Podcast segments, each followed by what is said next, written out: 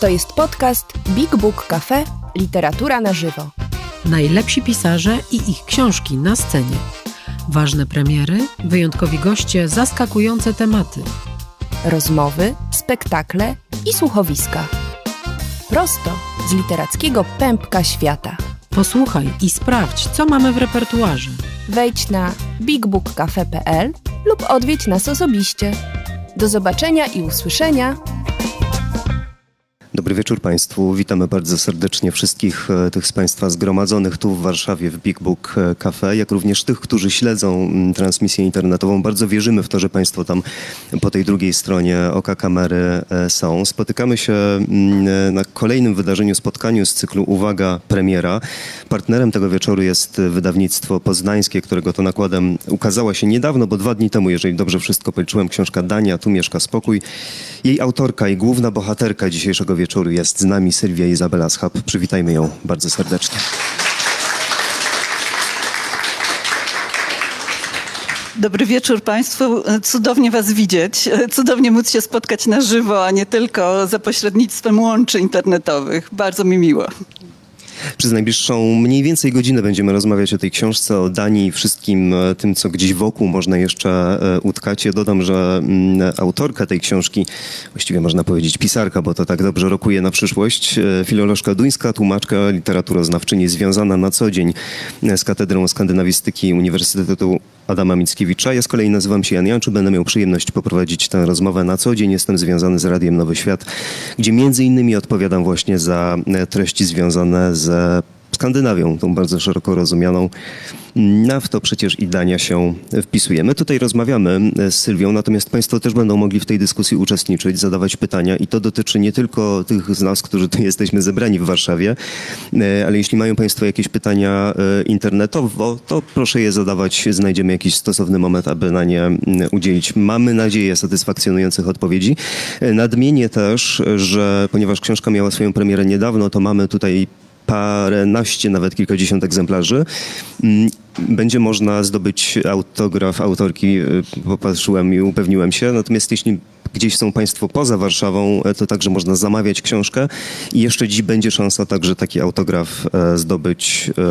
Wprawdzie nie tu na miejscu, no ale e, myślę, że to też spora atrakcja. E, zacząłbym od takiego podcięcia trochę gałęzi, na której siedzimy, to znaczy w zapowiedzi tego naszego spotkania e, Big Book Cafe, ja sobie nawet to wynotowałem, to jest taki cytat, Dania nie potrzebuje reklamy, ale my potrzebujemy inspiracji, tak pisze Big Book Cafe. No ja się zgadzam z tą drugą częścią, ale ta pierwsza to tak trochę nie gra i e, nie wiem, co ty sądzisz o tym, że Dania nie potrzebuje reklamy. Potrzebuje, nie potrzebuje? Może i tak i nie, trudno jednoznacznie stwierdzić, ale ja we wstępie do tej książki e, piszę, że ona się wzięła po pierwsze z niedosytu, z braku, który ja zauważyłam e, na rynku, z braku po prostu książek pisanych przez polskich autorów, bo oczywiście nie jest tak, że w ogóle nie mamy e, książek o Danii na polskim rynku, ale to są bardzo często tłumaczenia, więc z trochę innej perspektywy niż nasza perspektywa.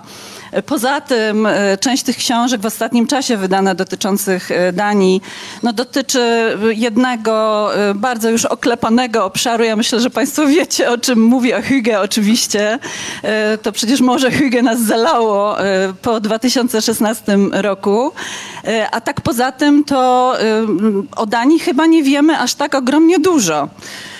I szczerze powiem, że rozmawiając z osobami, które już przeczytały moją książkę, to słyszałam na przykład komentarze takie, że zanim przeczytałam, przeczytałem pani książkę, to o Danii właściwie nic nie wiedziałem, nie wiedziałam. Albo jakie my Polacy mamy skojarzenia z Danią. No i tutaj rzeczywiście często zapada taka chwila ciszy. I w, większości przypadków e, Polak czy Polka przypomni sobie oczywiście Hansa Christiana Andersena, Klocki Lego, e, Carlsberga, może też tu Borga, ale pewnie już niewiele więcej. E, w związku z tym ja jako filolożka duńska, osoba związana z edukacją od lat, no czułam że trzeba tę lukę jakoś e, wypełnić i czułam potrzebę po prostu e, przybliżenia tej mojej, nie kryję tych gorących uczuć, ukochanej Danii, e, również Polakom i Polkom. gorące uczucia to jest jedno, tam też jest parę miejsc, gdzie one stają się trochę mniej gorące, ale o tym będziemy jeszcze mówić.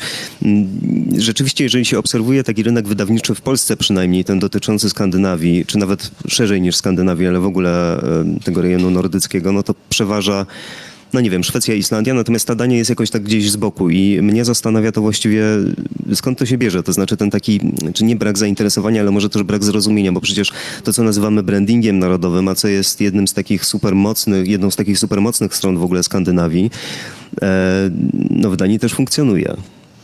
Tak, i, i to jest dosyć skuteczny branding jak myślę. Natomiast no dlaczego w Polsce tak jest, że myśląc o Skandynawii się raczej myśli o Szwecji czy Norwegii, pewnie nawet i się myśli pod, tym, pod tą etykietką Islandii, E, notabene w ogóle jak tak właśnie śledzę to, co, to, co wychodzi na polskim rynku wydawniczym, to, to stwierdzam, że w ostatnich latach więcej wyszło książek nawet o Grenlandii i Wyspach Owczych niż o, niż o Danii. No więc co takiego sprawia, że ta Dania jakoś się tak nie kojarzy, nie wpisuje? To ja oczywiście nie mam na to pytanie gotowej e, e odpowiedzi, e, ale myślę sobie, że częściowo E, chodzi o to, że to jest jakiś taki rodzaj bliskości, e, podobieństwa, czy też nie e, nieposiadania jakichś bardzo takich wyrazistych, dystynktywnych cech. To znaczy, myślę tutaj o na przykład pierwszym pewnie, albo jednym z pierwszych skojarzeń z Norwegią, fiordy. No w Danii na przykład nie mamy takich dramatycznych fenomenów. Tak, fenomenów, tak. I, i, I być może no właśnie ten duński spokój, ta harmonia, to zrównoważenie, których z drugiej strony no pewnie nam też brakuje w naszym, naszym świecie, no też nie wywołuje jakichś takich e, jakiejś takiej chęci spojrzenia właśnie na to było, nie było w końcu e, całkiem niewielkie e, państewko. Piszesz gdzieś na początku tej książki, że ona powstała z niedosytu, więc trochę y, może zapełnia tę lukę właśnie. Ja chciałbym, żebyśmy przez moment popatrzyli sobie na kalendarz i na dzień 20 marca, który był w poniedziałek miniony, to jest, jak Państwo może wiedzą, Międzynarodowy Dzień Szczęścia. I tak się składa, że od y, dekady mniej więcej w tym Międzynarodowym Dniu Szczęścia publikowany jest taki raport, który zbiera y, najszczęśliwsze państwa na świecie. Może to nie jest dobre określenie. On mierzy, jakie państwo jest jak szczęśliwe. Jakoś tak się dziwnie składa, składa, że zazwyczaj na podium, żeby nie powiedzieć zawsze na podium, prawie zawsze na podium. Zawsze. Ta Dania ląduje. Zawsze. zawsze jednak. Na pierwszym jest kto? E, proszę? Na pierwszym jest kto? Finlandia. Na pierwszym jest Finlandia. Finlandia. Od sześciu lat Finlandia, ale e, te raporty, o których mówisz, e, one są ogłaszane od 2012 roku i hmm. wtedy przez, jeśli się nie mylę, dwa albo trzy lata pierwsze, to Dania była na pierwszym miejscu. I to było w ogóle też dosyć zaskakujące dla samych Duńczyków, którzy chyba nie rozpoznawali się w ten sposób właśnie jako najszczęśliwszy naród na świecie. Z tego wzięły się pewne refleksje, badania, próby dotarcia do tego, na czym polega to duńskie szczęście, to znaczy odnalezienia jakiegoś, jakichś wzorców czy przepisów na, na, na, na to szczęście, które Duńczycy ewidentnie mają, bo tak jak wspomniałam, to nie jest tylko tak, że oni od początku publikowania tych raportów królowali w tym rankingu, ale odkąd one są ogłoszone, nigdy z podium nie zeszli. E, według najnowszego raportu, właśnie tego opublikowanego w miniony poniedziałek, e, Dania jest na drugim miejscu. E, więc wszystko wskazuje na to, że musi istnieć coś, o czym być może za chwilę też porozmawiamy, co sprawia, że, że właśnie tak ten kraj jest oceniany. No to skoro już to podjęliśmy, to może powiedzmy, jaki jest ten przepis na duńskość, czy przynajmniej spróbujmy go tak sobie bardzo ogólnie naszkicować, bo też o tym piszesz. E, właściwie taki rozdział zatytułowany po prostu Przepis na duńskość, on w tej książce się znajduje w drugiej jej części, natomiast pewne elementy tego przepisu, one przeplatają się przez całą tę opowieść. E, kilka z nich może podajmy sobie, bo ja tak sobie myślę, że w Polsce, e, czy w ogóle na świecie powinniśmy być jednak żywo zainteresowani tym, jaki ten przepis na duńskość czy też czytaj na, na szczęście i szczęśliwe życie jest. Więc jakie to są, gdybyśmy mogli parę takich wyznaczników podać, tych elementów? No tak, bo tutaj ewidentnie po prostu ta, ta duńskość i szczęście się jakoś łączą i przeplatają, coś na siebie to się tutaj równa wpływa. Tak? Tak. Ten rozdział, o, których, o którym mówisz, e, rzeczywiście jest zatytułowany Przepis na szczęście, ale ze znakiem zapytania. który pozwoliłam sobie tam postawić. A w tym rozdziale de facto odnoszę się do, do tego, co było no, politycznym projektem tak naprawdę. Politycznym projektem sprzed kilku lat dobrych, to znaczy znalezienie zestawu wartości, które miałyby, niematerialnych wartości, które miałyby opisywać i wyjaśniać to, czym jest duńskość. Mówię o tak zwanym duńskim kanonie wartości, Denmark's Canon. E, I sprawa była też z tym kanonem, z tym zestawem cech o tyle ciekawa, że um, oczywiście to um, z inicjatywą wyszedł ówczesny, um, ówczesny minister chyba kultury, jeśli dobrze pamiętam, z liberalnej partii, partii, partii Venstre. No teraz tak po polsku wymówiłam, no, źle zabrzmiało. Wenstre. I który, który właśnie miał taki pomysł na opisanie tej duńskości, czy też opisanie, jak on sam to ujmował, duńskiego DNA. I miało to służyć e, jakby dwóm celom. Z jednej strony temu, żeby mm, Duńczycy mieli taki drogowskaz, czy też potrafili sami siebie w jakiś sposób odnaleźć e, tożsamościowo, a z drugiej strony miał być to taki zestaw wartości, które miały pomóc w inkulturacji osób, które do Danii przyjeżdżały. Czy to się udało? To jest y, chyba wątpliwe, a co najmniej y, cały ten projekt jest dosyć dyskusyjny, niemniej bardzo ciekawy, ponieważ y, zanim doszło do wyłonienia tych dziesięciu wartości, to odbywały się, odbywało się coś w rodzaju konsultacji społecznych. E, to znaczy wszyscy Duńczycy mogli zgłosić e, do ministerstwa, które to koordynowało, mogli zgłosić swoje propozycje. Co według nich jest takiego typowo duńskiego czy ważnego dla opisania duńskiej kultury, duńskiej mentalności, duńskiej tożsamości. Wpłynęło ponad 2000 różnych propozycji. I panel ekspercki e, posortował je w taki sposób, że zaproponował 20 e, wartości, a następnie już też w typowo duński sposób Duńczycy po prostu w głosowaniu powszechnym wskazali tych 10 wartości, e, które miałyby właśnie opisywać najlepiej to, czym jest duńskość. I nie wiem, ja nie... Czy... Ja je tak, tak. mam je pod ręką. Wymienimy je. To jest tak, państwo dobrobytu, wolność, zaufanie, równość wobec prawa, równouprawnienie, równouprawnienie płci, język duński, to ciekawe, stowarzyszanie się i wolontariat, tolerancja, hygge i chrześcijańskie dziedzictwo kulturowe. Tak.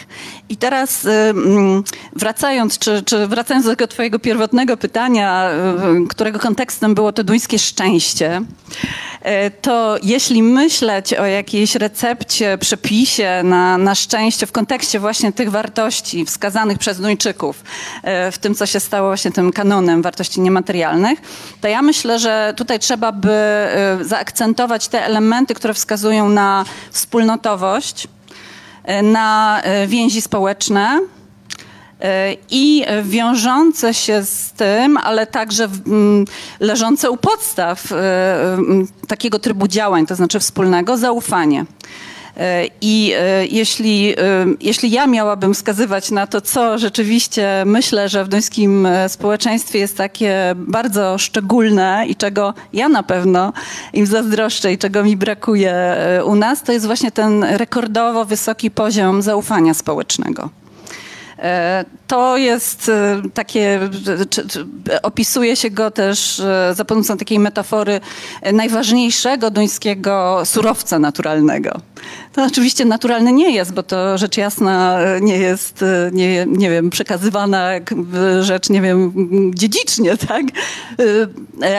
Raczej jest to, jest to mm, tryb zachowania, tak, który, w którym Duńczycy są socjalizowani. Jeszcze nadmienię tylko, że ten poziom zaufania społecznego, co Państwo może wiedzą, on jest w ogóle wysoki w całej Skandynawii. E, natomiast e, Dania rzeczywiście wiedzie prym, jeśli chodzi o, o ten poziom.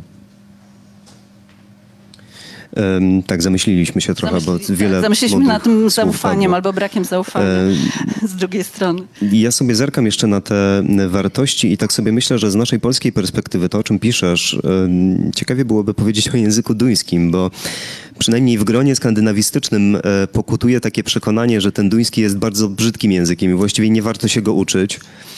E, padają tutaj mocno kontrowersyjne tezy, ja wiem. Właśnie, ja sam z wykształcenia to... jestem filologiem szwedzkim, więc powiedzmy, no, że właśnie sprawiedliwia jest, mnie to nieco. Właśnie to jest szwedzka szpilka, typowa szwedzka szpilka, w, wbita w danie. E, no tak, no ale właściwie wiesz, wy połowy i tak głosek nie wymawiacie.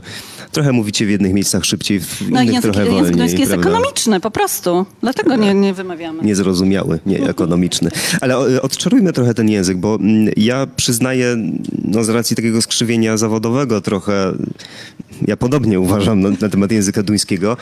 Mm, ty twierdzisz, że jest zgoła inaczej, to znaczy, że on jest piękny. Zdaje się, Kierkegaard nawet twierdził, że to jest język piękny i on jest, zresztą swoje pisma pisał w taki sposób, aby można je było czytać na głos i to była taka wartość Anderson, tak. E, I to miała być taka wartość e, dodana ponoć. Jak to jest z tym duńskim tak naprawdę? To znaczy, ja go, ja go nie oceniam jako jakieś, yy, yy, przepraszam za to określenie pięknej panny, nie oceniam jego urody w tym sensie, tak? Yy, natomiast staram się mm, rozprawić z tym mitem, który pokutuje i być może jest barierą w tym, żeby osoby, które chcą studiować filologię jakieś skandynawskie, wybierały właśnie język duński. To znaczy właśnie takie jakieś dziwne i w ogóle dla mnie kompletnie niezrozumiałe przekonanie o tym, że jest to jakoby język bardzo trudny.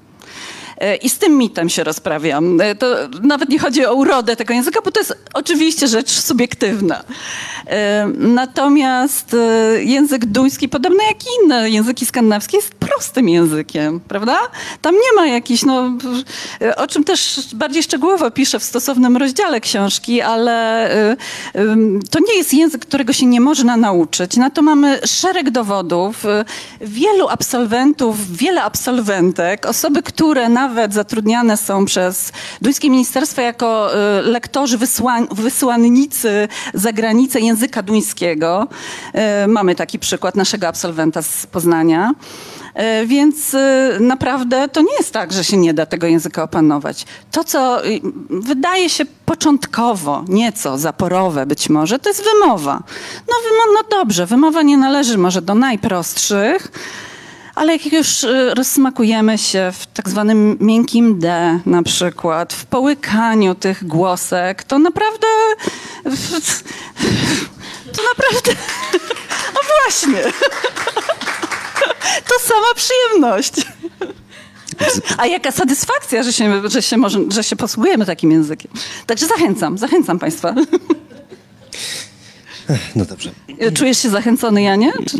To znaczy ja mam ten luksus, że znam język szwedzki, znam też język norweski, więc tak. w zasadzie no mogę w... uniknąć tej, albo nie skorzystać. Nie skorzystać, tak. to do, do, dobrze dobre słowa, ale to rzeczywiście jest jeszcze jeden aspekt związany z językiem duńskim, że on daje też, dos, podobnie jak pozostałe języki, które wymieniłeś, norweski i szwedzki, dostaje, daje właściwie dostęp taki językowy do pozostałych krajów. To znaczy na pewno, znając jeden z tych języków, można swobodnie czytać e, w innych językach. Czy e, można się porozumiewać? E, no ja, ja myślę, że tak. Znaczy nie tylko myślę, wielokrotnie to praktykowałam na, na różnego rodzaju spotkaniach, konferencjach. Nawet mi się kiedyś zdarzyła bardzo dziwna z mojego punktu widzenia sytuacja, kiedy siedziałam podczas jakiejś konferencji między Norwegiem a Islandczykiem. I ten Islandczyk, jak y, jeszcze, jeszcze wtedy, nie wiem jak jest teraz, o, to może tutaj Emiliana mi podpowie, ale y, y, ten Islandczyk mówił po duńsku, w jakimś stopniu mówił po duńsku, ponieważ Islandczycy uczyli się duńskiego. Natomiast ten Islandczyk z tym Norwegiem nie potrafili się dogadać w swoich językach skandynawskich i ja, Polka, siedząca między nimi, im tłumaczyłam. Więc e, e, na pewno, e, na pewno jest, jest więcej profitów z, duńskiego, z nauki duńskiego niż sama satysfakcja. Ogromna, ogromna. Oczywiście, że, że się opanowało na przykład te tajniki wymowy. Wśród tych wartości jeszcze oprócz języka, oprócz e, zaufania, o którym mówisz, że jest bardzo istotne, to znaczy to jakby wyznaczasz na, na taką mm, najistotniejszą może kwestię, najważniejszą, jest też wspomniane równouprawnienie płci. Chciałbym, żebyśmy się na moment przy tym zatrzymali, może też dlatego, że poświęcasz może osobny nie, nie rozdział, ale część rozdziału e, płcią, bo to też jest rzecz taka dosyć nieoczywista, że nam się wydaje często, że Skandynawia, no dzisiaj mówimy o Danii, ale w ogóle Skandynawia to, to jest taki raj, że to równouprawnienie funkcjonuje znakomicie, e, natomiast jest pewna rysa na tym obrazie. E, ja po, poświęcam cały rozdział e, kobietom. To jest rozdział zatytułowany Dziewczyny, Wiedźmy, Siostry. E, I tam przywołuję również w takim geście historycznym pewne postaci, które, które chciałabym, żeby, żeby zostały zauważone również w naszym, w naszym kontekście. E, I jeśli już e, e, zaczynać od tych elementów, które są jakimiś rysami na tym idealnym, na tej idealnej powierzchni, którą sobie wyobrażamy właśnie jako, jako raj feministyczny, no to myślę, że właśnie ten zakres herstoryczny jest, jest takim elementem, który jest do przepracowania w Danii. Podobnie jak w Polsce. Także tutaj w, ty, w, ty, w, w tym punkcie jesteśmy na podobnym Y, poziomie. Bo w Danii ta y, świadomość historyczna też wcale nie jest za duża zmienia się, że widzę, widzę jakieś zauważalne takie ruchy w ostatnich latach. E, w książce też odnotowuję mm, wiele wystaw, które e, w, ostatni, w ciągu ostatnich dwóch lat e, otworzyło się w Danii, które właśnie akcentują sztukę kobiet. Mm, kobiety są przywoływane w różnych dziedzinach, na przykład Duńskie Centrum Architektury też miało wystawę Kobiety tworzą przestrzeń. Przywołuje się, no właśnie, w bardzo różnych kontekstach artystycznych, ale też jako naukowczynie. E, powstają publikacje e, Kobieto, poznaj swoją historię, e, które no, pośrednio wskazują na to, że, że Duńczycy wcale tak do Idunki, wcale tak dużo o tej historii nie wiedzą. Więc tutaj i przed Duńczykami, Idunkami, i nami jest dużo pracy do wykonania. Natomiast taka mm, mm, taka jeszcze jedna rysa, która no właśnie nie, nie zgadza się z tym wyidealizowanym obrazem takiego całkowitego równouprawnienia, dotyczy rynku pracy. I to jest dosyć zaskakujące. Bo kto by podejrzewał, że w kraju, w którym e, w, w prawnie zapisana jest równość płac dla płci, występuje jedna z największych w Europie luka płacowa. I ma to powody, znaczy powodami, powody są zarówno takie, że po prostu e, kobiety często w związku z tym, że rodzą i wychowują dzieci, po prostu pozostają przez pewien czas poza rynkiem pracy. Chociaż tutaj Duńczycy też mają wiele rozwiązań, e, które pomagają na pewno, e, pomagają kobietom wrócić na rynek pracy po, po urlopie. Ale. Oj, zgubiłam wątek. Że... Y, zaczynaj, to znaczy y, tutaj tak, y, podpowiedź dostałam, że mężczyźni nie biorą urlopów tacierzyńskich. To się zmienia. To znaczy w, w zeszłym roku weszło, weszło takie prawo o, o tym, że, że jest osobny, przypisany tylko ojcu urlop tacierzyński. Także to się, to się zaczyna zmieniać, co zresztą też widać po, po tym, że zaczynają powstawać grupy ojców, co tak dziwnie brzmi teraz po polsku, grupy, które skupiają świeżo upieczonych ojców i to są takie grupy na wzór grup, które od dawna były tworzone w Danii systemowo, które, w, w ramach których spotykały się matki świeżo upieczonych dzieci. Świeżo upieczonych dzieci, nie. Zupełnie źle zabrzmiało. Tak w Danii nie, nie jest. Tak w, to się w Danii nie, tak w Danii się nie dzieje. Świeże upieczone matki. Nie, nie, nie, tak, tak nie, nie. Dementuję. Piękne, prawda? Więc wracając do, do tej luki płacowej, bo to z, od tej luki płacowej odeszłam w, w, w kierunku tych urlopów i pieczenia dzieci, to jeszcze bardziej szokujące, znaczy, oczywiście kobiety też pracują w zawodach, które jakoś tradycyjnie, niechlubna tradycja taka jest, są niżej opłacane i stąd też wynikają te niższe wynagrodzenia. E, ale też bardziej szokujące nawet jest to, że nadal w Danii e, kobiety, które pracują na takich samych stanowiskach jak mężczyźni, wykonują taką samą pracę jak mężczyźni, są niżej wynagradzane. Więc tutaj też przed Danią jest robota do wykonania. Natomiast y, nie wiem, czy, bo może, bo ja też w tym rozdziale używam, y, mm, znaczy piszę y, o tym, że duńska kultura jest kulturą kobiecą. Nie wiem, czy... No właśnie, tak, tak, tak. tak. O to też chciałem zahaczyć. Chciałem też zahaczyć o twoją ulubioną, jakkolwiek to nie zabrzmi, ulubioną kobietę, Dunkę, ponieważ poświęcasz im sporą część tego rozdziału. Piszesz o naukowczyniach, o artystkach, zdaję sobie sprawę z tego, że zawieszenie tego pytania w przestrzeni to jakby może powinno trochę czasu też zająć pomyślenie nad tym, ale tak e, na pierwszy strzał, kto to jest? No, no, moje ulubione dunki to oczywiście też te dunki, z którymi się przyjaźnię. Jedna z nich zresztą jest dzisiaj tutaj na sali. Bardzo mi miło, ale jeśli miałabym wskazać e, wśród tych ulubionych dunek postaci powszechnie rozpoznawane, e, to chyba bym, no powszechnie powszechnie oczywiście, ale to chyba bym musiała tutaj odsłonić taką swoją stronę royalistyczną, bo to chyba, było, chyba by były królowe. E, I e, Małgorzata? W, Małgorzata? Małgo, Małgorzata pierwsza, Małgorzata druga.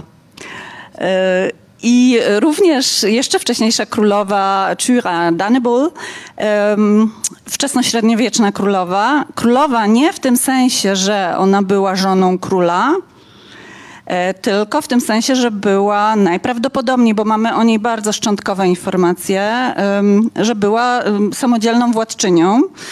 E, to jest ta królowa, która e, była żoną Gorma Starego, od którego tradycyjnie rozpoczyna się poczet e, królów duńskich ale wiemy z inskrypcji runicznych między innymi, a jej są poświęcone aż trzy i to jest wyjątkowe, bo kobiety rzadko trafiały do inskrypcji runicznych. Wiemy, że ona musiała mieć bardzo silną pozycję, prawdopodobnie w Jutlandii gdzieś, ale to też no, bardzo dużo jest niewiadomych, jeśli, jeśli chodzi o tę postać, ale bardzo intrygująca postać na pewno. Nawet są takie spekulacje, czy to, czy to na pewno ten Gorm tam doprowadził do jakichś zaczątków państwowości, może to ta Tyra jednak. E, no, druga z tych królowych to oczywiście też średniowieczna władczyni. To jest niesamowita postać, Małgorzata I, która doprowadziła do szczęśliwego finału pierwszy taki projekt unifikacyjny na północy, to znaczy ona była architektką, E, ale też osobą zarządzającą właściwie, można tak powiedzieć współczesnym językiem, Unią Kalmarską, czyli Unią, która została zawiązana w 1397 roku, w której to Unii prym wiodła Dania. No, nie, nie bójmy się tego powiedzieć wprost. I oczywiście, mimo że Małgorzata I, jako że mówimy o średniowieczu, władczynią taką koronowaną, w sensie właściwą być nie mogła, no nie mogła kobieta sprawować e, takiej funkcji, to de facto tą Unią rządziła do swojej śmierci w 1412 roku. E, w bardzo różne pomysłowe sposoby e, umacniała E, właściwie też bezpieczeństwo północy, bo tutaj jednym z takich powodów zawiązania tej Unii to oczywiście była też groźba ze strony Hanzy e, ale też zapewniła w bardzo przemyślny sposób e, ciągłość. Znaczy to, to się nie udało, ale to już nie jest wina absolutnie Małgorzaty. Ona osadziła mianowicie na tronie wnuka swojej siostry. To nie, nie będę już się wdawać w te szczegóły, ale wnuka swojej siostry, który zresztą pochodził z Pomorza. E, i który miał na imię Bogusław, a w historiografiach skandynawskich znany, znany jest jako Eryk Pomorski. To za jej sprawą się stało. Więc y, musiała to być naprawdę nietuzinkowa postać, e, skoro miała tak ogromną siłę przebicia i doprowadziła do powstania e, takiego y, no, niebywałego organizmu państwowego, jak, jak właśnie Unia Kalmarska. Który, która to zresztą Unia Kalmarska jest chyba takim trochę zaczątkiem Skandynawii, była w ogóle współczesnej. No, to tak pre prezentystycznie można o tym chyba mówić, bo to oczywiście żadna forma współpracy nie była, tak? To była, to była dominacja Danii. Natomiast e, oczywiście, jeśli dzisiaj się mówi o e, współpracy nordyckiej, to znaczy tej, która e, po wojnie została powołana z takimi instytucjami jak Rada Nordycka, czy później Nordycka Rada Ministrów, to oczywiście wskazując źródła i, i to powody, dla których możemy mówić o tym, że nie, no Skandynawia to zawsze była wspólnota, to wskazuje się oczywiście jako jeden z elementów Unię Kalmarską. No i jeszcze jeśli pozwolisz, to mhm. myślę, że no, trzeba wspomnieć o współczesnej królowej Małgorzacie II, e, która też jest e, naprawdę nietuzinkową postacią, e, bardzo popularną nadal. Ona w, nie ma chyba zbyt wielu przeciwników monarchii w Danii, co jest też związane, co jest też związane z jej stylem rządzenia po prostu, tak? Bo w Danii jest ustrój, to jest monarchia konstytucyjna,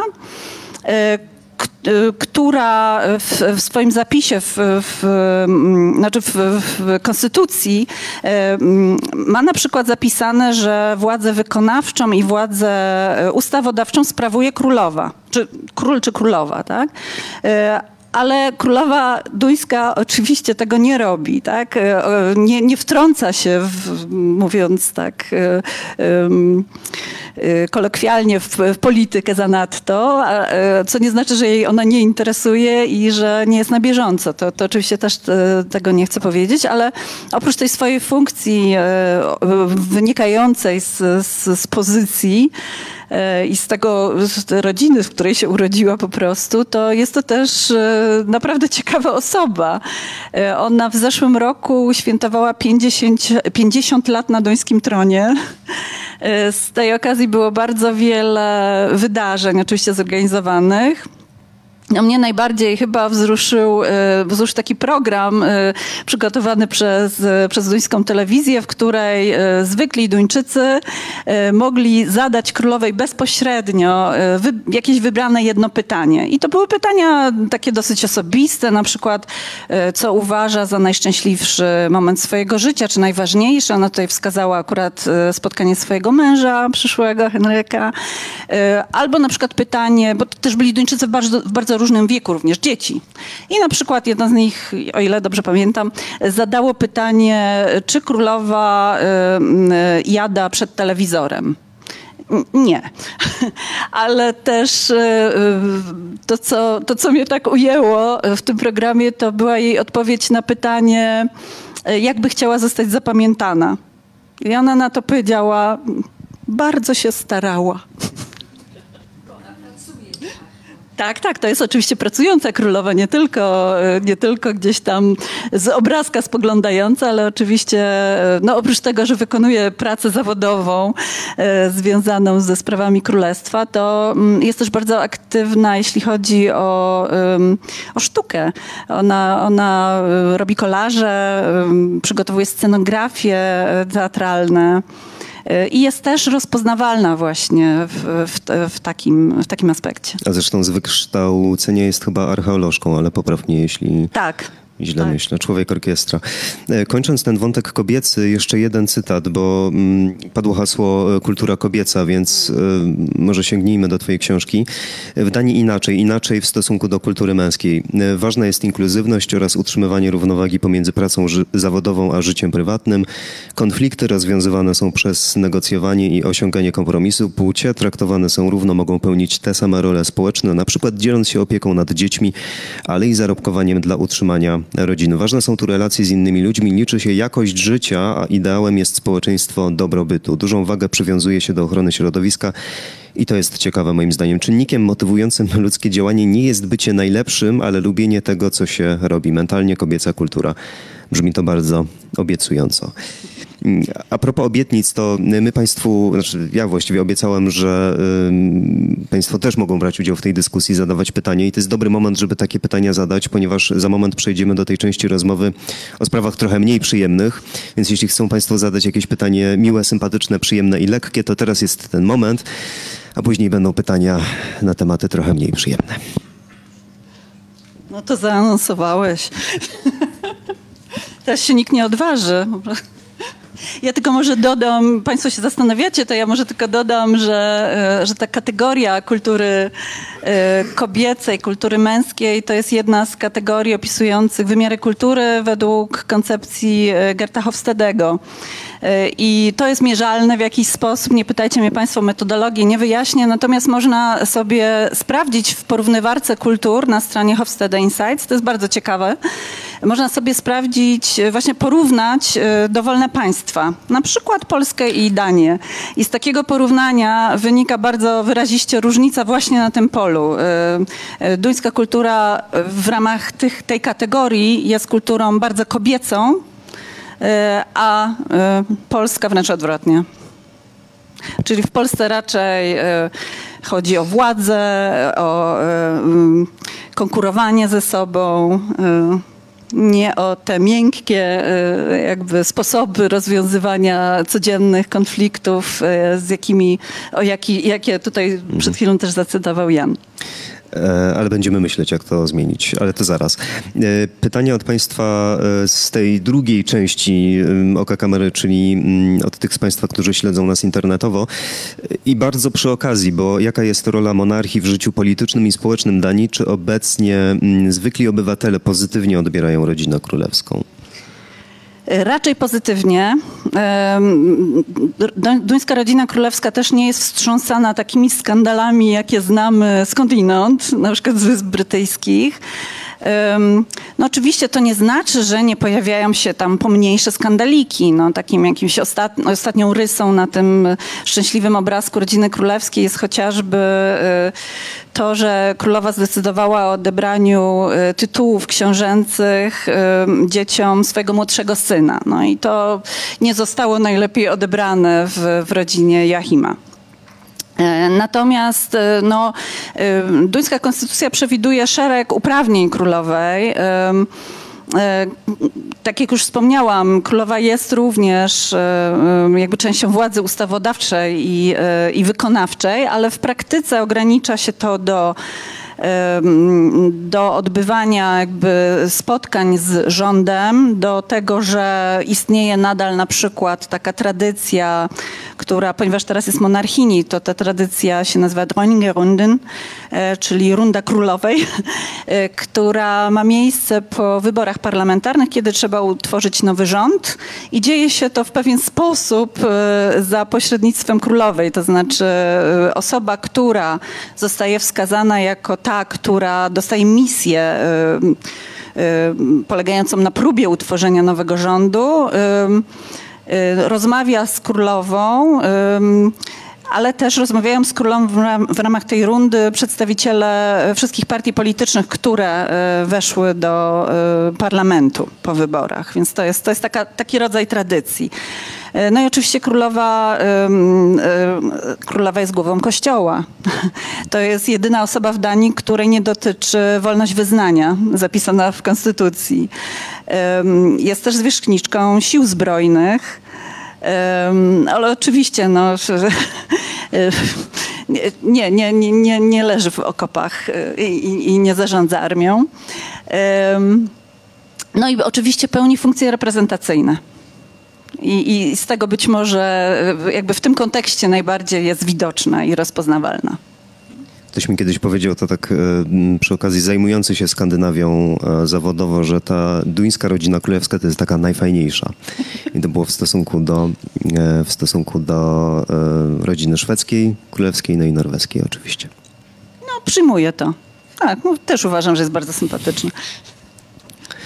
Jeśli mają Państwo jakieś pytania, Mamy informację od e, jednego z naszych, e, z naszych widzów, ciężko ją przekazać, ale widz napisał, że e, duńska królowa Małgorzata II pod pseudonimem, ciężko będzie to przeczytać, Ingahild Gratmer, Dokładnie tak.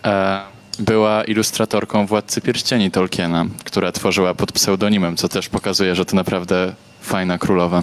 Bardzo fajna królowa. Polecam. Kul, jak to mówią po szwedzku. Mm, Jeśli mają Państwo ochotę mm, czy, czy, czy zadać jakieś pytanie. e, Zanim ta ciężka część tak, nastąpi. tak, tak, to, to jest ten dobry moment. Oczywiście później jeszcze powrócimy do, do tej części, także y, wtedy powiedzmy, że zaakceptujemy też te miłe pytania jeszcze. Mm, Piszesz też o tym, co mnie cieszy, bo zdarza się, że te publikacje poświęcone Skandynawii, one są takie słodkie i trochę milczą na temat rzeczy mniej słodkich. E, Co Dania chce przemilczeć, ja sobie zapisałem w moich notatkach. Dla mnie szokująca była historia tego kolonializmu. I to jest historia jeszcze całkiem świeża, bo przecież końcówka czy sprzedaż ostatnich kolonii, to proszę sobie wyobrazić rok 1917 zaledwie.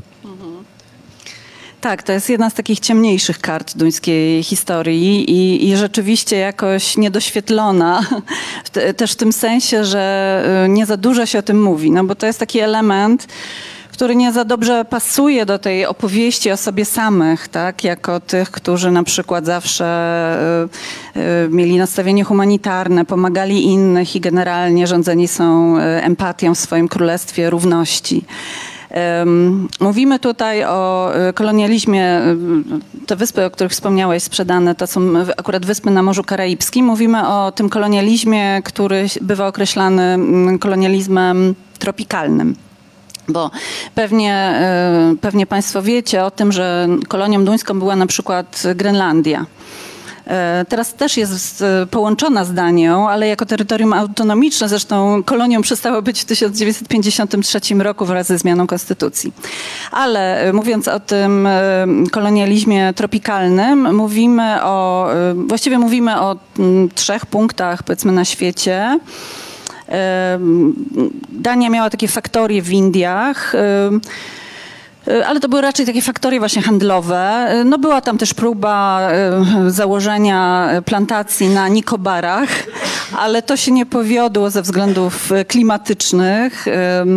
Duńczycy po prostu e, ani nie potrafili tam uprawiać niczego, ani nie potrafili wytrzymać tego klimatu. Więc to jest akurat nie, naj, e, nie najszczęśliwsza z duńskiego pun- punktu widzenia część tej opowieści. Natomiast ta najbardziej dramatyczna e, część opowieści właściwie się rozgrywa pomiędzy mm, koloniami, fortami e, i też plantacjami, które tam próbowano zakładać na dzisiejszym wybrzeżu Gany. To było tak zwane e, złote wybrzeże w Afryce, Y, więc między tym punktem, a właśnie tymi wspomnianymi przez ciebie wyspami na, y, na Morzu Karaibskim, to były takie trzy wysepki.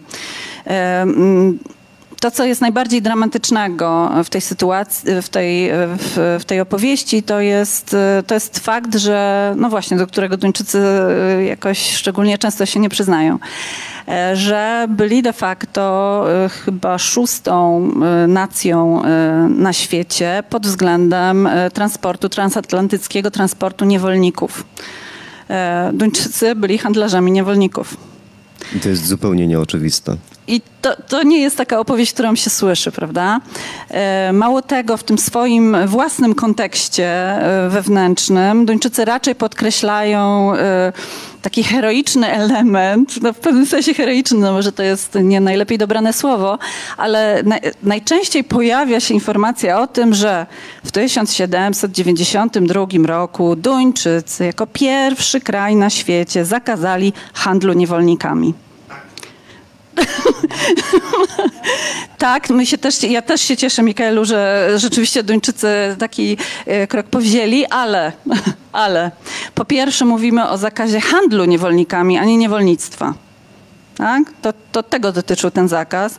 Po drugie, po drugie, e, wcale nie było tak, że od tego roku handel niewolnikami się skończył. Wręcz przeciwnie, ustawodawca przewidział dziesięcioletni okres przejściowy, żeby właściciele plantacji na tych Wyspach Karaibskich mogli nasycić swoje potrzeby. E, I jak można sobie wyobrazić, to w ciągu tych 10 lat e, ten handel raczej był wzmożony. Tak, po to, żeby właśnie zabezpieczyć zasoby ludzkie, mówiąc e, tak e, niezbyt ładnie chyba. Ten, ten zakaz też właściwie nie wynikał z żadnych pobudek humanitarnych tylko raczej z nieopłacalności tego transportu niewolników, bo wiemy, że na statkach, to były statki de facto no, duńsko-norweskie, na tych statkach szacuje się, że przewieziono przez Atlantyk około 100 tysięcy ludzi, e, z których to naprawdę nie jest mało e, z których e, wielu po prostu nawet nie dopłynęło do tego niby raju na Karaibach, tak? Można, y, można zobaczyć, no właśnie, Duńczycy y, dysponują wspaniałymi archiwami, w których znajdują się wszystkie możliwe informacje, łącznie z ilustracjami tego, jak przewożono tych niewolników. I to są wstrząsające ryciny, naprawdę, bo, y, bo ci niewolnicy byli po prostu zakuwani w kajdany pod, pod mm, jak się nazywa górna, pod pokładem, dziękuję, uciekło mi słowo, pod pokładem i de facto i kiedy działo się coś dramatycznego na morzu, to oni nawet nie mieli szansy się uratować. Tak? Także e, jeśli dochodziło do, do zatonięcia statku, no to oni po prostu tonęli bez żadnej szansy na uratowanie. No jak już nawet dopływali do tych wysp e, karaibskich, no to, e, no to jak sobie Państwo wyobrażacie, nie, mm, nie dopływali do raju do raju, y, y, którym to mianem Duńczycy właściwie jeszcze na, y, no właściwie nawet to teraz i trwa, to można ten wątek pociągnąć, w tym sensie on jest jakoś tam aktualny nadal. Takim mianem Duńczycy opisywali no właśnie te obszary. Nasz utracony raj. No. Więc to jest rzeczywiście bardzo, y, bardzo taka ciemna, y, mroczna historia, która y, no, stoi w sprzeczności z, z tym pluszowym obrazkiem podlanym sosem Hüge. To nic Hüge nie ma. I, I to jest też taka historia, no właśnie, no, ostatecznie y, samo niewolnictwo y, w, w tych duńskich Indiach Zachodnich, bo one tak się nazywały, y, te wyspy, to są dzisiaj Wyspy Dziewicze Stanów Zjednoczonych. To niewolnictwo skończyło się w 1848 roku i wcale też znowu nie dlatego, że mocodawcy w Kopenhadze uznali, że no nie, tak to nie możemy postępować, E, tylko jako odpowiedź na bunt niewolników po prostu na tych wyspach. Taką decyzję o zniesieniu niewolnictwa podjął gubernator tych wysp ówczesny. E, I więc te wyspy zostały sprzedane. One też już były wtedy niezbyt opłacalne, to też trzeba sobie powiedzieć, jako kolonie. No i później zaczął się taki, taki nurt E, nostalgiczny, właśnie przywołujący, że opisując te wyspy jako nasz utracony raj. I można by pomyśleć, że to no dobrze mogło trwać przez kilka dziesięcioleci jeszcze po sprzedaży tych wysp, no jednak to jest jakaś strata terytorialna, tutaj może się wpisuje w jakiś ciąg traum y, dotyczących strat terytorialnych, duńskich, może to można jakoś wytłumaczyć, ale y, również współczesne teraz biura podróży duńskie w ten sposób reklamują wyjazdy na, na, na Wyspy Dziewicze te Stanów Zjednoczonych, czyli dawne, dawne, dawne duńskie kolonie. Nie? Y, odwiedź nasz raj, nasz utracony raj. To się może wydawać, że to jest taka historia bardzo odległa w czasie, no ale jak widać e, wciąż, wciąż rezonuje. To jest ten tak, kolonializm jest... tropikalny, ty mówiłaś jeszcze o arktycznym, czyli o Grenlandii, czyli to są no, może niepodobne czasy, ale on, Grenlandia też jest ważnym zagadnieniem wciąż przecież, prawda? I, i to jest sprawa nadal nie, niedomknięta. E, natomiast jest jeszcze jedna rzecz, o której chciałbym powiedzieć w kontekście Danii, taka średnio przyjemna, bym powiedział, i też mało oczywista, to jest e, ksenofobia na przykład. E, ty w niedawnej rozmowie w dużym formacie mówiłaś, że mm, powoływałaś się na takie badania, z których wynika, że będąc na przykład osobą czarnoskórą, to bardzo trudno jest się wtopić w to społeczeństwo duńskie, wtopić w takim znaczeniu, że stajemy się częścią też mentalnie jego. Być postrzeganym jako Duńczyk. Buń, Duńczyk. E, to, to, to o to chodzi. To znaczy ta, ta, z tą ksenofobią to nie, jest, e, to nie jest znowu tak, że tu wszystko jest e, czarne. W takim sensie, w tym zestawieniu, takim czarne-białe. To... Mm, to jest tak, że pod koniec lat 90. rzeczywiście pojawiły się w, w prasie europejskiej takie, takie artykuły, które y, podkreślały to, jak ksenofobicznie nastawieni są Duńczycy. I, y, I to miało wynikać z konkretnego badania przeprowadzonego przez chyba Eurobarometr, o ile dobrze pamiętam. Później e, jakby metodologia przeprowadzenia tego badania została podważona, ale e, już ta informacja poszła w świat i etykietka została do Duńczyków e, przyklejona jako właśnie tych niemiło nastawionych wobec, wobec innych, tak, pochodzących spoza Danii. Ale to szczęśliwie nie jest pełen, pełen obraz Duńczyków próby zniuansowania właśnie e, tego, tego bardzo ciemnego obrazu podjął się jeden z duńskich socjologów, który przeanalizował dane pochodzące z takiego badania ogólnoeuropejskiego, e, badania wartości. To są badania, które są przeprowadzane w krajach europejskich regularnie, co chyba 10 lat się zbiera dane no w każdym razie on y, zastanawiając się nad tym, y, jak Duńczycy są nastawieni do, do innych, y, doszedł do wniosku, że na pewno nie można wysnuć jednoznacznego takiego wniosku, że są ksenofobicznie nastawieni. Zależy o co pytamy. Bo jeśli zapytamy Duńczyków o to, czy mają coś przeciwko sąsiadom, którzy nie są etnicznymi Duńczykami, to odpowiedź będzie negatywna. Nie mają. E, jeśli zapytamy ich o to, czy e, e, miejsca pracy w, w, sytuacji kryzysu przede wszystkim powinny być oferowane Duńczykom etnicznym, to też Duńczycy zaprzeczają. E, więc tutaj na tej podstawie dosyć trudno e, narysować obraz Duńczyków jako narodu ksenofobicznego.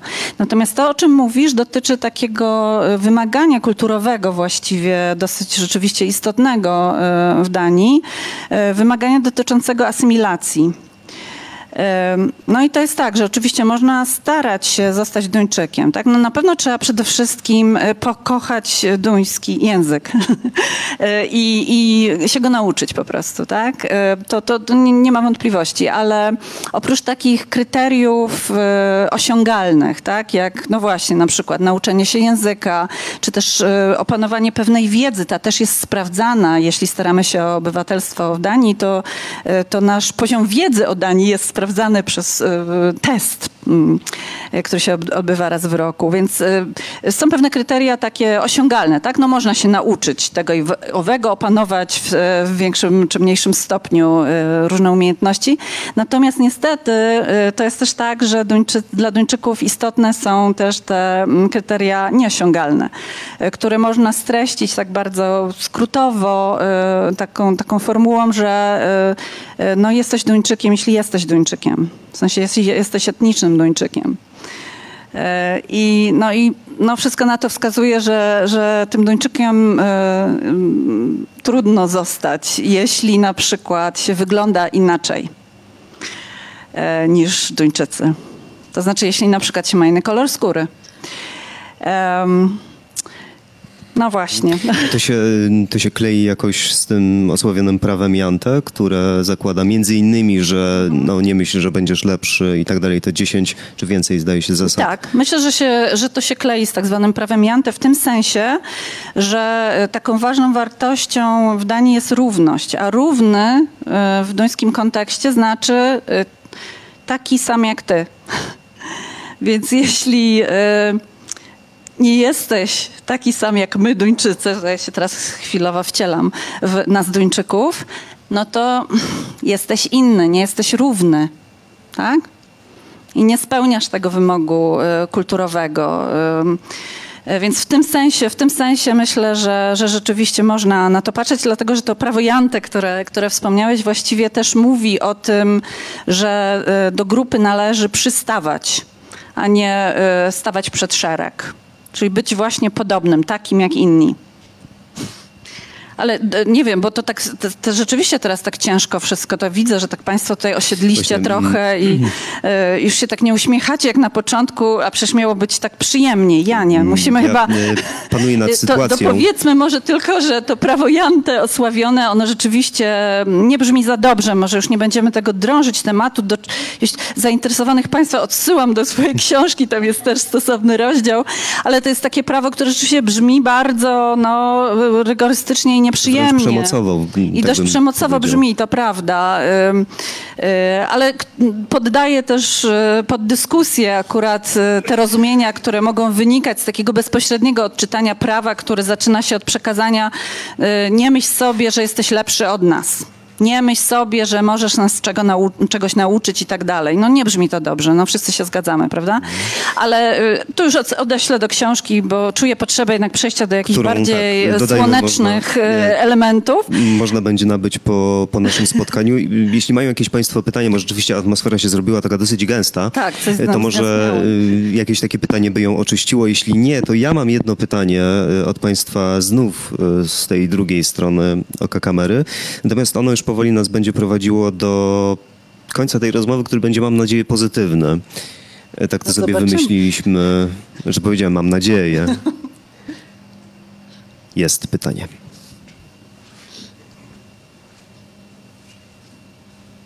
Czy pamiętasz, Sylwio, jak e, byłaś pierwszy raz w Danii, co ciebie najbardziej zdziwiło przy, swojej pierwszym, przy swoim pierwszym kontakcie z tym krajem? No to było dawno. I, i, być może moja pamięć biograficzna jakoś tam, autobiograficzna jakoś szwankuje. Bo ja chyba głównie pamiętam e, to zachłyśnięcie się i zachwyt. To były głębokie lata 90. E, Ta moja pierwsza wizyta w Danii i no tutaj oczywiście wiele czynników takich autobiograficznych się nałożyło na taki, a nie inny odbiór, e, super pozytywny też miejsce, do którego trafiłam, to znaczy moim Moja pierwsza wizyta była związana z e, kursem językowym, e, e, takim kursem, w którym uczestniczyło ponad 100 osób z całego świata i to oczywiście samo w sobie było cudowne doświadczenie, ale też pamiętam, że szkoła na przykład nam organizowała takie mm, spotkania z prawdziwymi Duńczykami, to znaczy nie tylko z naszymi nauczycielami, ale w, tym, w tej miejscowości, w której byliśmy, byliśmy poumawiani tak po kilka osób u, u Duńczyków w domach i to było cudowne. E, I, i, cudownie było po prostu e, dotknąć, chociaż tak przez moment, takiej, takiej duńskiej zwyczajności i codzienności e, i, i trochę poczuć ten rodzaj takiego zdystansowania i spokoju po prostu, który, który, który tam wtedy odczytywałam. Znaczy nadal nie uciekam od tej e, figury spokoju. Tu mieszka spokój, taki jest tytuł tej książki. E, Więc, więc, więc to wrażenie jakoś podtrzymuję. Ale wiesz co, nie wiem, czy e, jestem sobie w stanie przywołać coś, co by mnie zaskoczyło, bo na przykład mnie to zaszokowało, czy nie. Ja chyba byłam po prostu cała w skowronkach i, i, i, może moje okulary wtedy były o wiele bardziej różowe niż, niż dzisiejsze. Ja tutaj e, z tyłu mm, tak się chciałam podzielić swoimi refleksjami mm, i mam nadzieję, że to jest jeszcze ta część, gdzie można mówić nie o tylko tych jasnych spraw, e, stronach, tylko też właśnie... Tak, tak, to się nam rozmyło trochę, Tak, także- to taką tak. polemikę nawiązać. Em, ja się przyznam, że jeszcze twojej książki nie czytałam, ale bardzo się cieszę, że ona powstała, e, bo rzeczywiście tych książek o Danii pisanych z perspektywy Polaków jest bardzo mało. E, Ja czytam na przykład z perspektywy Anglików, którzy uważam, że mają podobną do nas kulturę i rzeczywiście wyłapuję, mm, wyłapuję pewne rzeczy, które wydaje mi się, że nasze kultury może boleć w, e, w Danii. Moja historia jest taka, że ja nie mieszkałam na pewno tyle co ty, natomiast e, byłam trochę na stypendium, teraz pracuję w firmie duńskiej i dużo czasu jakby jeżdżę do Danii, ale też tak poza pracą staram się z, rozmawiać z Duńczykami. I em, tak jak pierwotnie się jakby bardzo zachłystywałam właśnie całym tym um, hugel i całym, całym, e, całym e, takim tym e, tożsamościowym, kulturowym e, podejściem, Tak, teraz i, i właśnie pytania się pojawią z mojej strony, e, bo, bo w dwóch punktach mam duży znak zapytania, więc, więc może ty mi też e, e, fajnie sobie gdzieś tutaj pokorespondujemy. Mm, to znaczy właśnie zaczęłam widzieć rysy i zaczęłam nazywać to wszystko, co Duńczycy stworzyli pewnym eksperymentem kulturowym, gdzie zaraz jakby podam tezy, dlaczego uważam, że nie do końca, e, nie do końca udanym. Jakby po pierwsze zaczęliśmy mówić o tym, w jaki sposób e, traktuje się obcokrajowców, jak oni są, ja bym nie nazwała, że w żaden sposób dyskryminowani, tylko to, co mnie jakby najbardziej boli, ja, ja obserwuję, to jest e, pewna hipokryzja, bo z jednej strony Duńczycy niosą na sztandarach właśnie tą równość, e, tą promowanie kultury multikulti, że wszyscy jesteśmy tacy sami. Natomiast jak się rozmawia z, z społecznością, z, z, ludźmi mieszkającymi w Danii, no to oni mówią, że Duńczycy są cały czas bardzo zamknięci, że Duńczycy po prostu najczęściej się trzymają w swoich kręgach i Polacy, e, ludzie z, z różnych innych e, kręgów i tak mówią, że po latach nie mogą się jakby przebić, cały czas są traktowani jako, znając nawet perfekcyjnie duński, jako obcokrajowcy i trzymają się z, z obcokrajowcami. Um, i, I, to jest, I to jest takie, no właśnie, niesienie na sztandarach czegoś, co potem w praktyce nie do końca wychodzi. E, I druga rzecz, nawiąza, nawiązując do tego, że jesteśmy wszyscy równi, e, to potem ja mam na przykład takie wrażenie zawsze, jak jestem w Kopenhadze, że ja widzę same kopie, że ja widzę wszystkich ludzi, którzy są identyczni, wszystkie dziewczyny w, w tych sneakersach, e, blondynki, wszyscy faceci, e, ten prosty typ ubioru, biała koszula, białe e, jeansy. I mi to właśnie nie pasuje, że, że brak mi takiej unikatowości w, tych, e, w, tym, e, w, w, w tym społeczeństwie. w Szwecji ja dodam jest dokładnie tak samo, to znaczy w metrze na przykład w Sztokholmie to jakby kopia za kopią i pytanie, czy to właśnie nie jest kwestia tego, że no nie bądź inny, nie wychodź przed tak, szereg. no i to jest też taki brak potrzeby chyba ekstrawagancji, czy, tak, czy tak, tak, jakiegoś tak. pokazywania się, bo tego rzeczywiście kulturowo w Danii raczej nie ma. To znaczy oczywiście my tutaj sobie w jakiś sposób generalizujemy, a wiadomo, że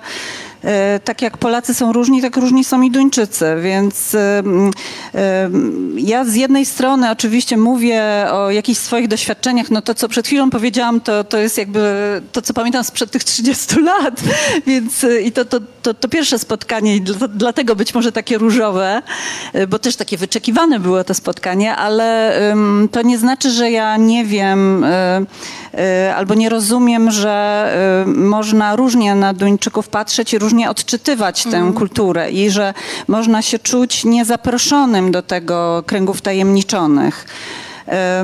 Ja w tej książce właściwie też mówię o tym, że ja po prostu takiego doświadczenia nie mam. Mhm. E, co nie znaczy, że neguję doświadczenia innych osób, które, które to odczuwają inaczej, bo tak może być oczywiście. I no, ja sobie jedynie y, zadaję pytanie, z czego to wynika. To znaczy, mam taką domorosłą teorię psychologiczną, że y, to wynika z tego, jakie kto ma oczekiwania. Jasne. No, I y, z jakimi no właśnie, z jakimi wyobrażeniami i oczekiwaniami własnymi mm, gdzieś się udaje. Jeśli no, tutaj też padło to określenie, że Duńczycy są zamknięci. E, no ja tego zupełnie nie czuję i, i, zupełnie nie mam takich doświadczeń, ale być może, nie wiem, nie oczekuję też pewnych rzeczy, mhm. które oczekują, których oczekują inne osoby, mówiąc o właśnie tej braku, braku otwartości. E, być może troszkę inna jest ekspresja kulturowa, tak? No nie wiem, na przykład dystans społeczny jest trochę większy w Danii, tak? Trochę... Tak, właśnie chciałam do, do tego nawiązać e, w tym tak. drugim moim punkcie, gdzie największy mam znak zapytania, a przechodząc właśnie do psychologii, o której ty zaczęłaś, to w takim zestawieniu wydaje mi się najbardziej, co nas różni Polacy, Duńczycy, to to, że oni w tym swoim podejściu hugli, takim cały czas zostawianiu takiego zachodniego personal space, że, że moje własne szczęście, moje własne utrzymywanie takiego e, swojego komfortu.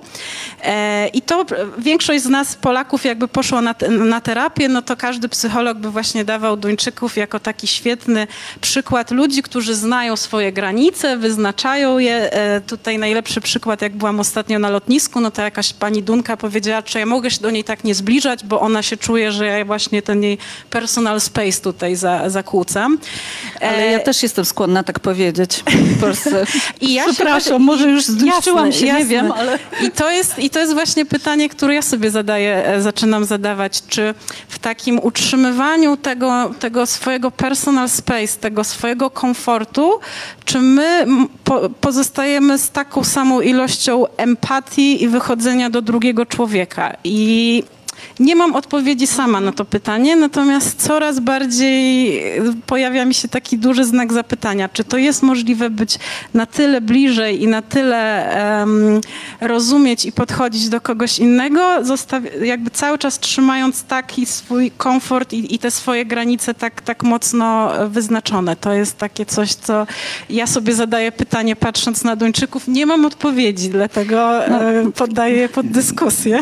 No ja też nie wiem, czy, czy oczywiście, czy, czy jestem w stanie udzielić takiej ostatecznej odpowiedzi na, na to pytanie, ale no ja też bym nie postrzegała e, tego e, e, dystansu, który definiujemy w tej chwili w taki sposób, jako, nie wiem, wrogość, brak zainteresowania.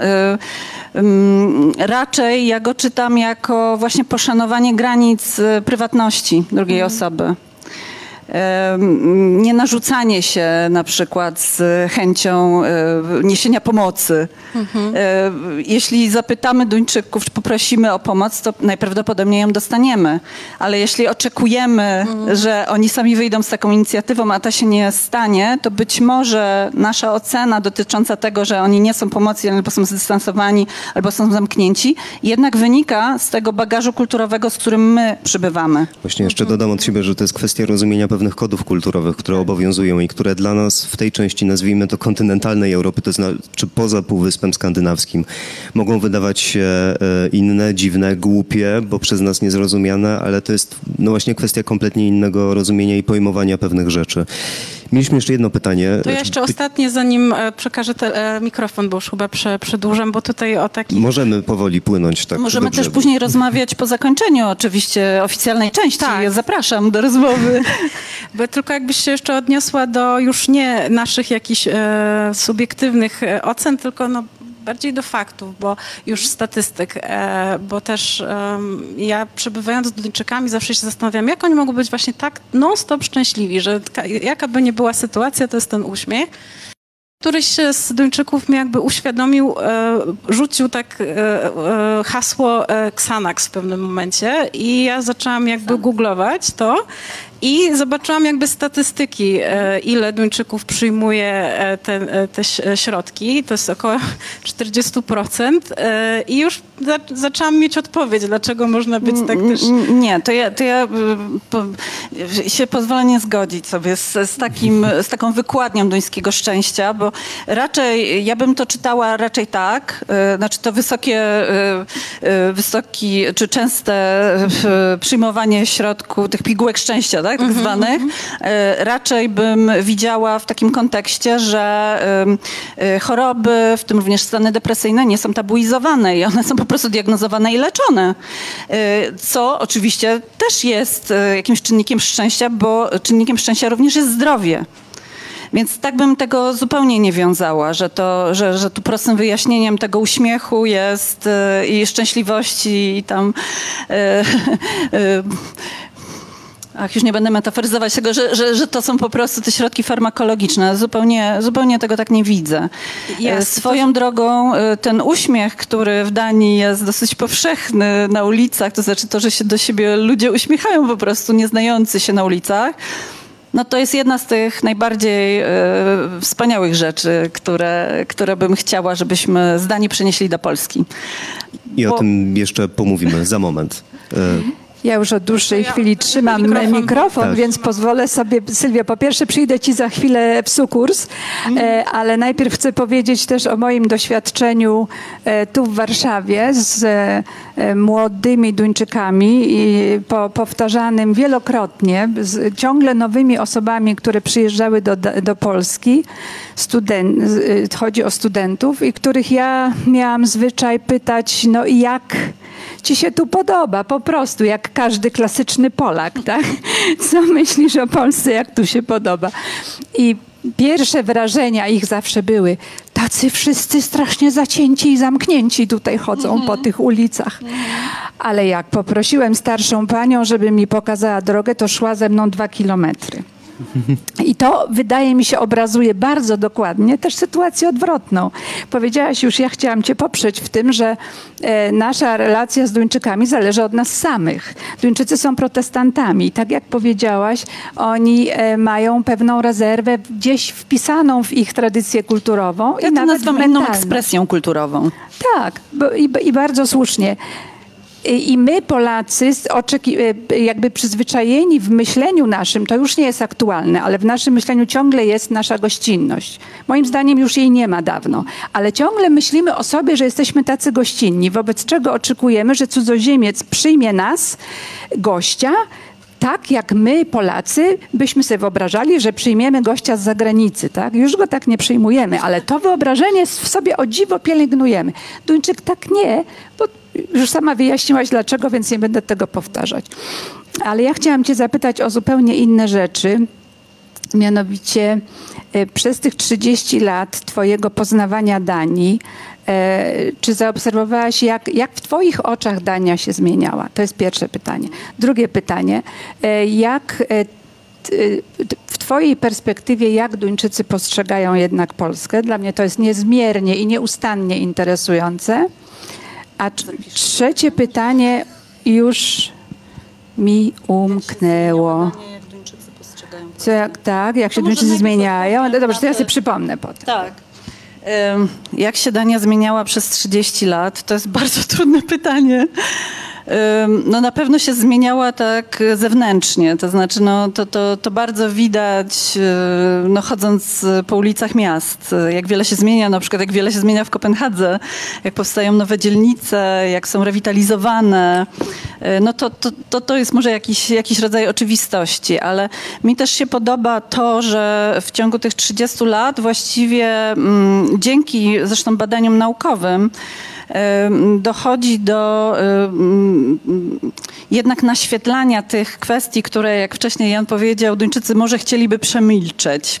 Więc, że jednak na powierzchnię wypływają niewygodne historie, e, że się, że się o tym dyskutuje nie zawsze znajduje się rozwiązanie, ale że y, zaczyna się, zaczyna się w ogóle traktować te kwestie jako no, godne publicznej dyskusji. I, i, i to, to na pewno wiele z takich spraw e, znalazło jakiś finał albo choćby półfinał póki co e, w, w duńskiej debacie publicznej, w duńskiej przestrzeni. Tak, na przykład te kwestie dotyczące e, kolonii, ale też związane na przykład e, z ustawami eugenicznymi z, lat e, dwudziestych. Ostatnia tego typu kwestia właśnie z tych, z tych niewygodnych, takich niepamiętanych, wypychanych, która wypłynęła na powierzchnię, dotyczy na przykład osób, które były delegowane do takich ośrodków właściwie zamkniętych na wyspach duńskich, Liu i Spro E, na tej pierwszej e, mężczyźni byli umieszczani, którzy byli uznawani za no, niepasujących do ram społecznych, niemoralnych w jakimś sensie, ale to też były osoby z niepełnosprawnościami różnymi. E, na tej drugiej kobiety. I, i, no i to, jest, to są też straszne historie tak naprawdę. Jedn, bohaterem jednej z tych historii jest zresztą, czy był ojciec jednego z wcześniejszych duńskich premierów, Pola Nyrupa Rasmussena. On był również umieszczony w takim ośrodku i e, to co, e, to, co bardzo mi się podoba w Danii, że no właśnie, dzięki badaniom naukowym, badaniu źródeł, po prostu te historie są odsłaniane, ale też, że powstają dokumenty y, opisujące te historie i w tym wypadku to właśnie Paul Nyrup Rasmussen był narratorem, jednym z bohaterów takiego właśnie cyklu y, trzyodcinkowego, dokumentalnego o, y, o swoim ojcu, ale też właśnie o tym systemie, który, z którego Dania szczęśliwie się wycofała i za który też oficjalnie przeprasza. Więc, więc lubię, czy, czy widzę tę zmianę w tej, w tej dynamice, że owszem, są jakieś niewygodne elementy pochowane gdzieś po szufladach, E, które jednak e, wypływają na światło dzienne i, e, i, i no oczywiście no, trudno zadośćuczynić tak, takim, takim osobom po latach, ale jednak no, na przykład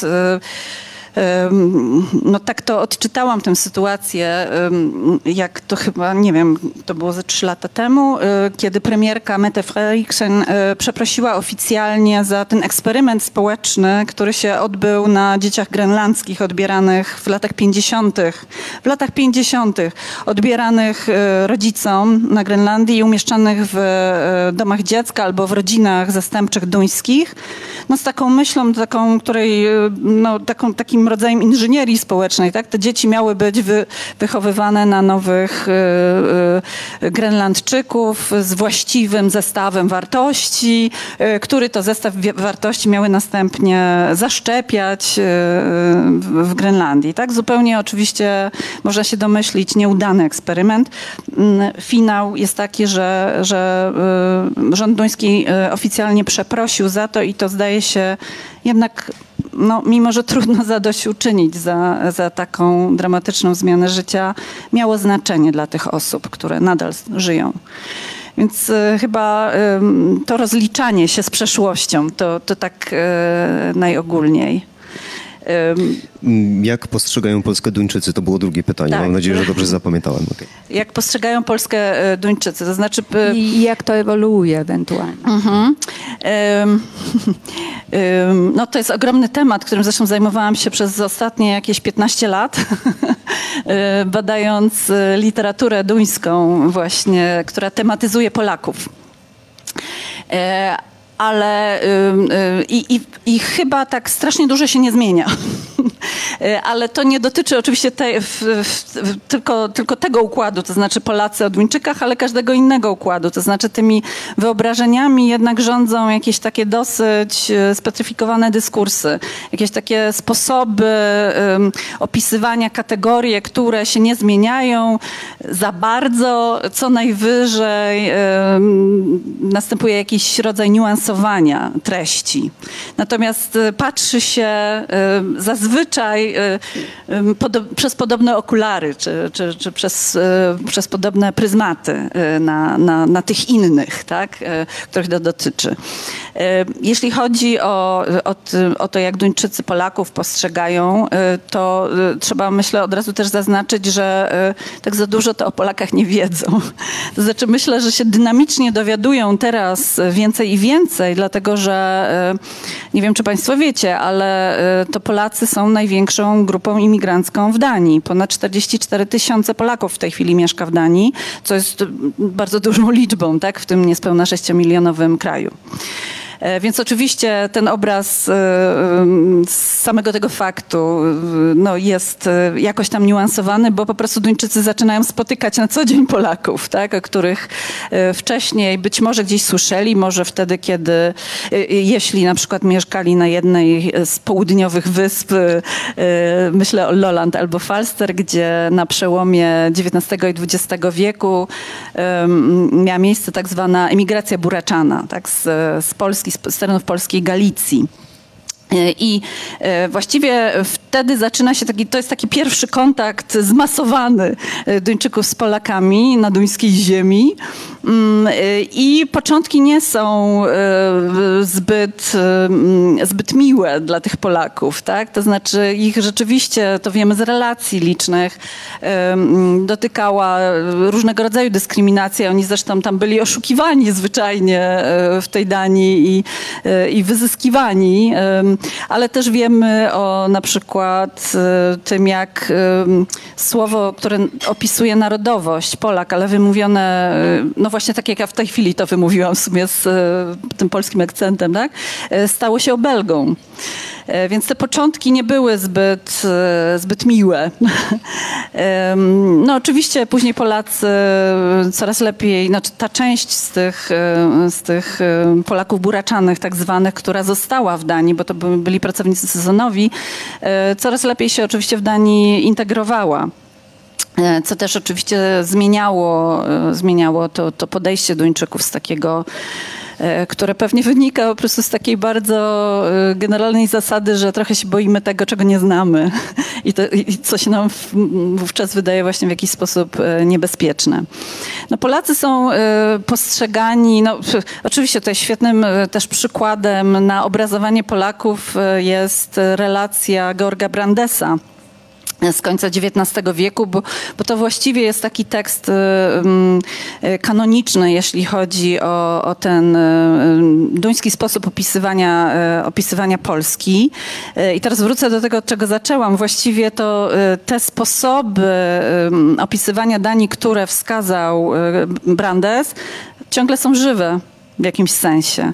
To znaczy, Polska jest postrzegana jako jakiś rodzaj stanu wyjątkowego, jakiegoś jakiejś takiej e, strefy zmącenia, niezrozumiałej trochę, e, połączenia wschodu z zachodem, tak dyskursywnie rozumianego wschodu i zachodu, mm, ale też przez Brandesa postrzegana jako, jak, jako taki rodzaj esencji Europy, takie miejsce i społeczeństwo, w którym wszystko można znaleźć, w którym jakby wszystko, wszystko kipi.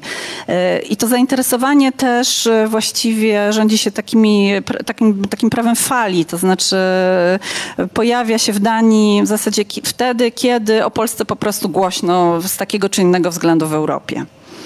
Więc te sposoby e, obrazowania e, Polaków w Danii są dosyć podobne tak naprawdę od czasów Brandesa, czyli od tego tekstu, który ustanowił ten, ten rodzaj narracji może są lekko niuansowane. Czy... Ja myślałam mhm. o tych 30 latach, o twoim osobistym doświadczeniu nie bardziej. Wiesz, ale to dla, oczywiście interesująca opowieść dla, mhm. dla osób, które ich nie znają, prawda? Ale no taki naj, najnowszy przyczynek do, do tego, y, jak, jak Polacy są w Danii postrzegani, y, poznałam za sprawą tych Polaków, z którymi rozmawiam w książce również. Znaczy ślad tej rozmowy znalazł się w książce, którzy mi mówią, że po wybuchu wojny w Ukrainie Duńczycy inaczej na nas spojrzeli, bo dostrzegli w nas taki naród, który niesie pomoc E, co jest taką e, ideą e, Duńczykom bardzo bliską, bo oni, jak już mówiliśmy, mają o sobie też takie wyobrażenie właśnie o tym humanitarnym nastawieniu i empatycznym i niesieniu pomocy, więc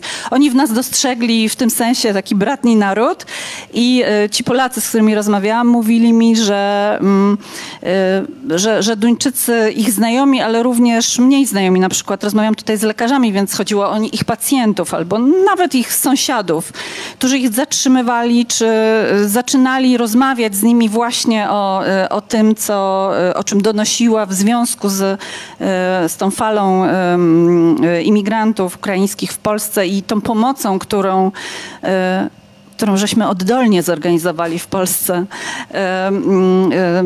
To, to, to, to, to wydało się Duńczykom niezwykle ważne i takie godne szacunku. I troszkę właśnie, chyba zmieniło. Właśnie to chciałam usłyszeć. E, ale e, i trzecie pytanie, już krótkie, Sylwia, nie musisz się, ale może jednym chociaż zdaniem. Nie muszę 150 lat. Nie musisz 150 lat przed tego, e, ale i zupełnie ono nie ma związku z Danią. Chciałam zapytać, jak długo, znaczy to się na, dwa na dwie części rozbijam. Jak długo pracowałaś nad książką? Już takiej Konkretnie. Tak, konkretnie jak długo nad książką. To znaczy pomysł mi przyszedł do głowy, jak to pewnie rozpoznacie się w tym państwo, jak to e, siedzieliśmy sobie w domach w czasie pandemii i przychodziły nam różne myśli do głowy. Co, co to z tym nagle pozyskanym czasem niby wolnym, e, nie, czego to nie zrobimy. I mi w, właśnie w trakcie pandemii, w trakcie pierwszego e, lockdownu przyszedł do głowy ten pomysł. No podlany to, tą myślą, że no właśnie brakuje brakuje mi, brakuje mi takiej książki, już zbyt długo czekałam, nie doczekałam się, żeby ktoś inny ją napisał, no to chyba muszę sama. E, więc to był 2020 e, rok.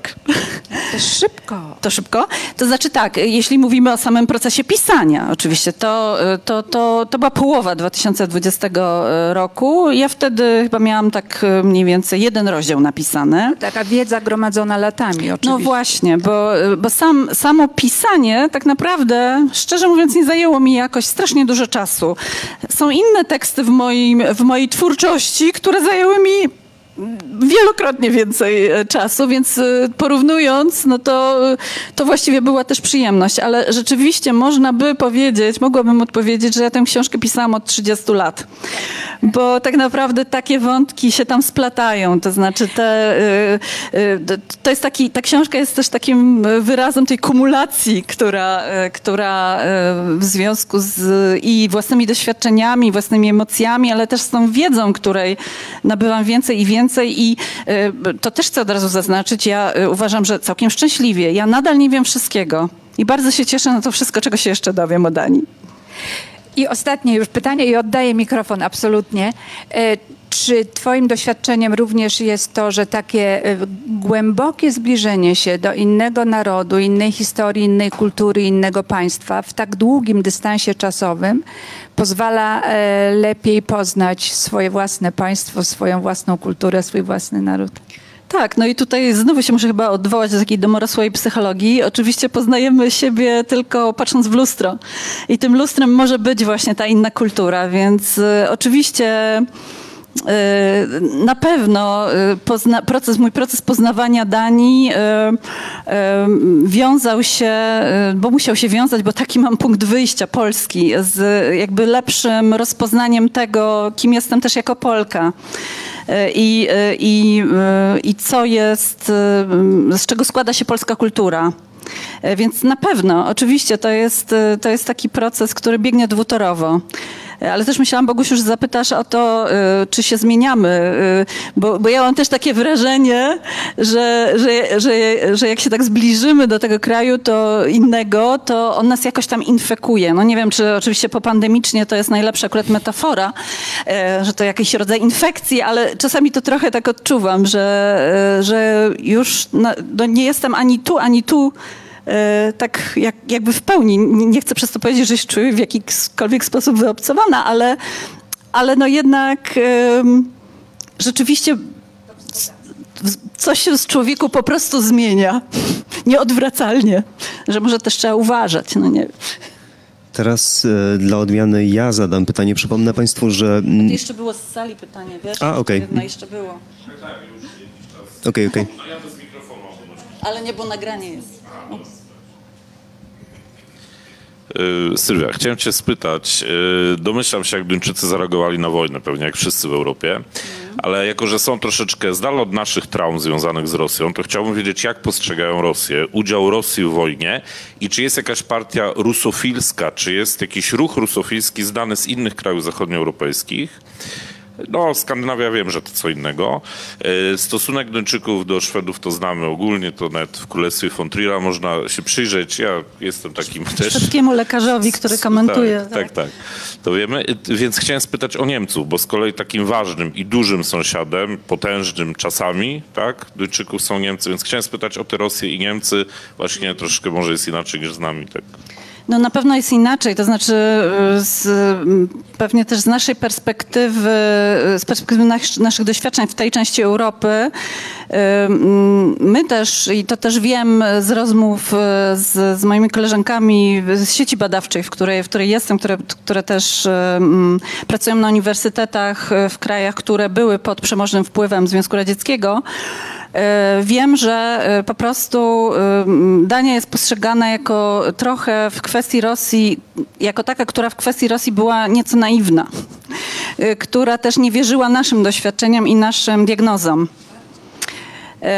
Natomiast wiesz co, szczerze mówiąc, nie wiem, znaczy nie, nie, przy, nie przychodzi mi na myśl żadna taka otwarcie rusofilska opcja w Danii w tej chwili. Więc to, to, to, chyba nie jestem w stanie ci odpowiedzieć na, na to pytanie, niestety. Natomiast jeśli chodzi o Niemców, to tutaj y, y, no, w pewnym y, zakresie naszą traumę niemiecką, wokół, wokół niemiecką dzielimy bo takim jednym z najbardziej dramatycznych wydarzeń w historii Danii, od którego to wydarzenia też się no, które, które stanowi granicę taką też no, tożsamościową, od której właśnie to granicy się mówi o tym, że w, od tego momentu zaczęła powstawać ta współczesna e, tożsamość duńska. Jest, to jest rok, który jest opisywany w duńskiej historiografii jako rok katastrofy, dosłownie. Rok 1864, czyli rok e, II wojny szlezwickiej. E, która nie trwała specjalnie długo, to był w, w, w, ramach tego roku się rozegrały e, wszystkie te wypadki wojenne, ale konsekwencją było to, że Duńczycy stracili e, dwie piąte swojego terytorium.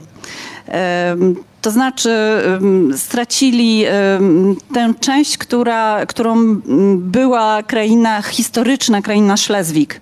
Znaczy nie myślę o dzisiejszym kraju związkowym Szlezwik, tylko ta historyczna e, kraina e, Szlezwik która tam właściwie mniej więcej, no troszeczkę poniżej połowy Jutlandii e, się kończy, więc, więc ten obszar Duńczycy stracili. To była naprawdę ogromna trauma, którą zresztą e, zaczęli przepracowywać tak w, w sztuce e, całkiem niedawno dopiero. To też jest, to też jest jakby znak tego, jak, jak, jak to silne było uczucie, więc to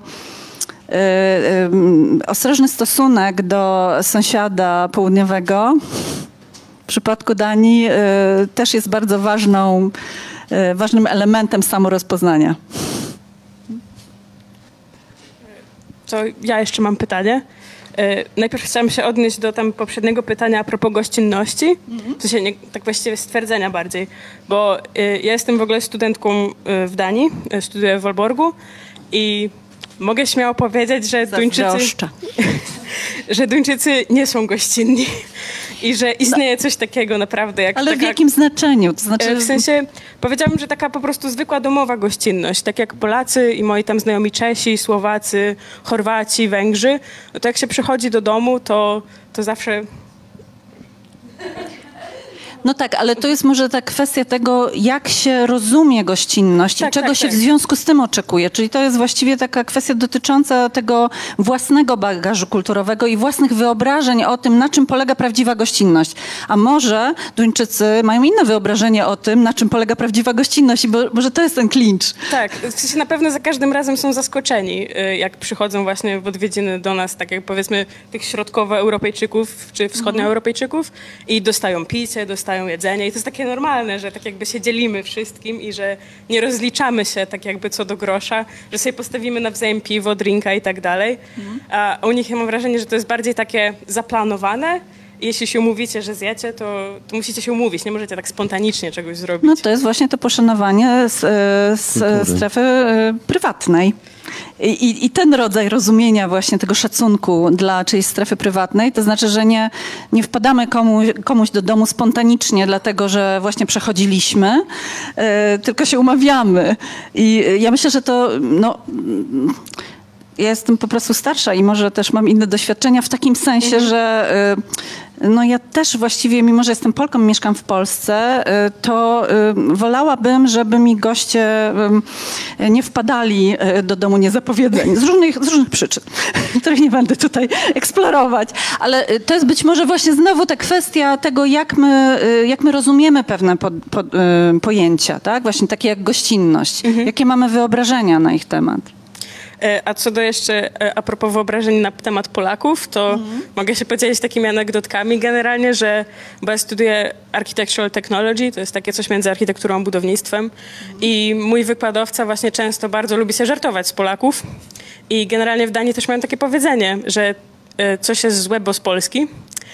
Na przykład tak było mają też powiedzenie, że jak dzisiaj samochód ukradziony, jutro w Polsce.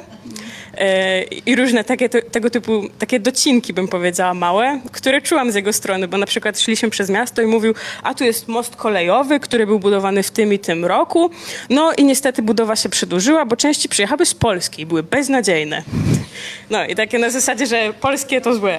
Często jest taka konotacja. No ale to są stereotypy, które, e, Tak. które pokutują, które się przekładają na, na, na właśnie rozumienie, czy, czy na takie no, proste e, szeregowanie. To znaczy ja, ja oczywiście rozumiem, że stereotypy są bardzo potrzebne, bo one po, pomagają nam uporządkować chaos świata, tak? Jakoś sobie ustawić, e, e, ustawić jakby rzeczywistość, zaszufladkować ją, krótko mówiąc, tak?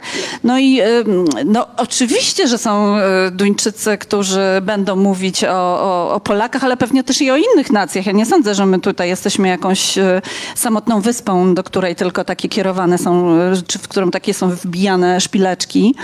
Oczywiście, że są tacy Duńczycy. No, tak jak i Polacy wypowiadają się pewnie bardzo stereotypowo o niektórych narodach, więc e, oczywiście, że e, no przykro mi, że, że takie akurat ma Pani doświadczenia. Mam nadzieję, że zdobędzie Pani w Wolborgu, pięknym skądinąd też mieście, e, również i inne. W sensie nie, no, doświadczenia ogólnie są bardzo pozytywne i to zdecydowanie jest kraj spokoju, ale takie ostatnie pytanie, pytanie tak właściwie, to chciałam się spytać, jak pani nawiązała znajomości takie głębsze z Duńczykami? I w jaki sposób się pani tak mogła z nimi zintegrować?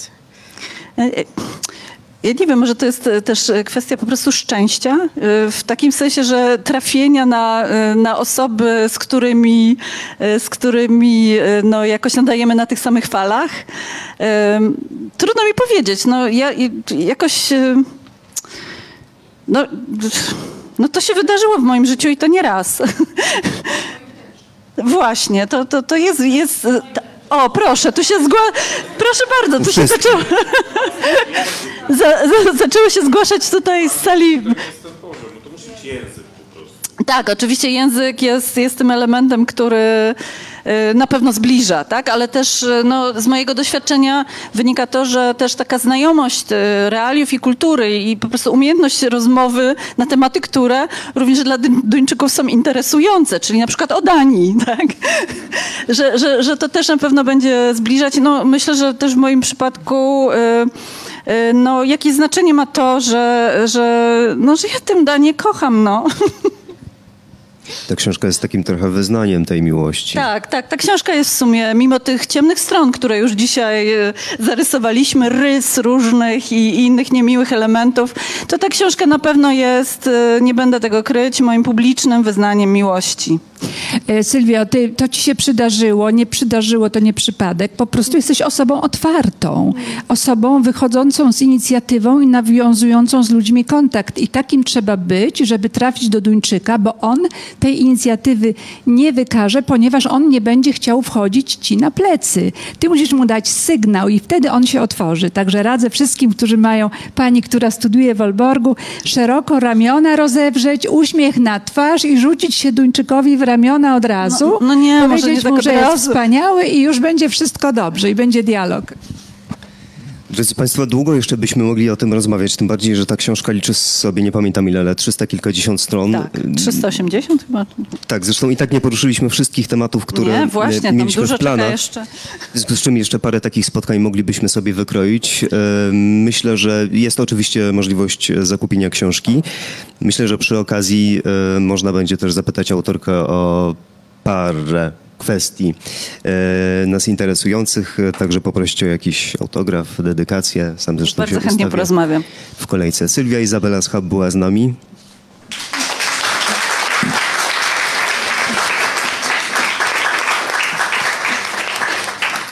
Pięknie dziękuję i muszę powiedzieć, że po prostu jestem zaszczycona, że Państwo tak licznie przybyliście w piątkowy wieczór, deszczowy, e, nieprzyjazny do przemieszczania się. E, Bardzo, bardzo Wam dziękuję. Dziękujemy Państwu bardzo.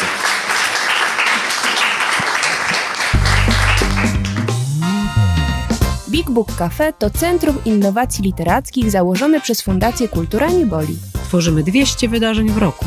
Prowadzimy wege kawiarnię i księgarnię pełną dobrych książek. Big Book Cafe. Żyjemy czytaniem.